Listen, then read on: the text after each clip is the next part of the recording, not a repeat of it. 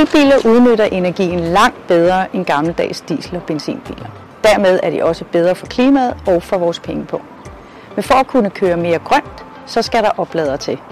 Og i dag har jeg en rigtig god nyhed, som jeg gerne vil dele med jer. Jeg hedder Lene Møller Nielsen, og jeg er formand for Teknik- og ejendomsudvalget i Køge Kommune.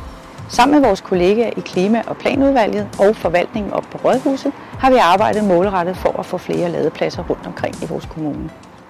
Og nu har vi landet en rigtig fin aftale med EVI, der i løbet af det kommende år vil sætte i alt 174 nye ladepunkter op.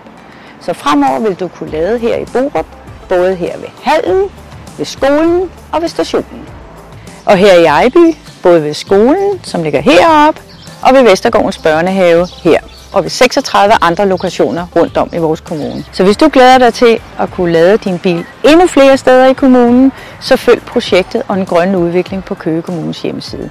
Vi sørger for et link med i dette kommentarfelt. Rigtig god sommer og god grøn køretur.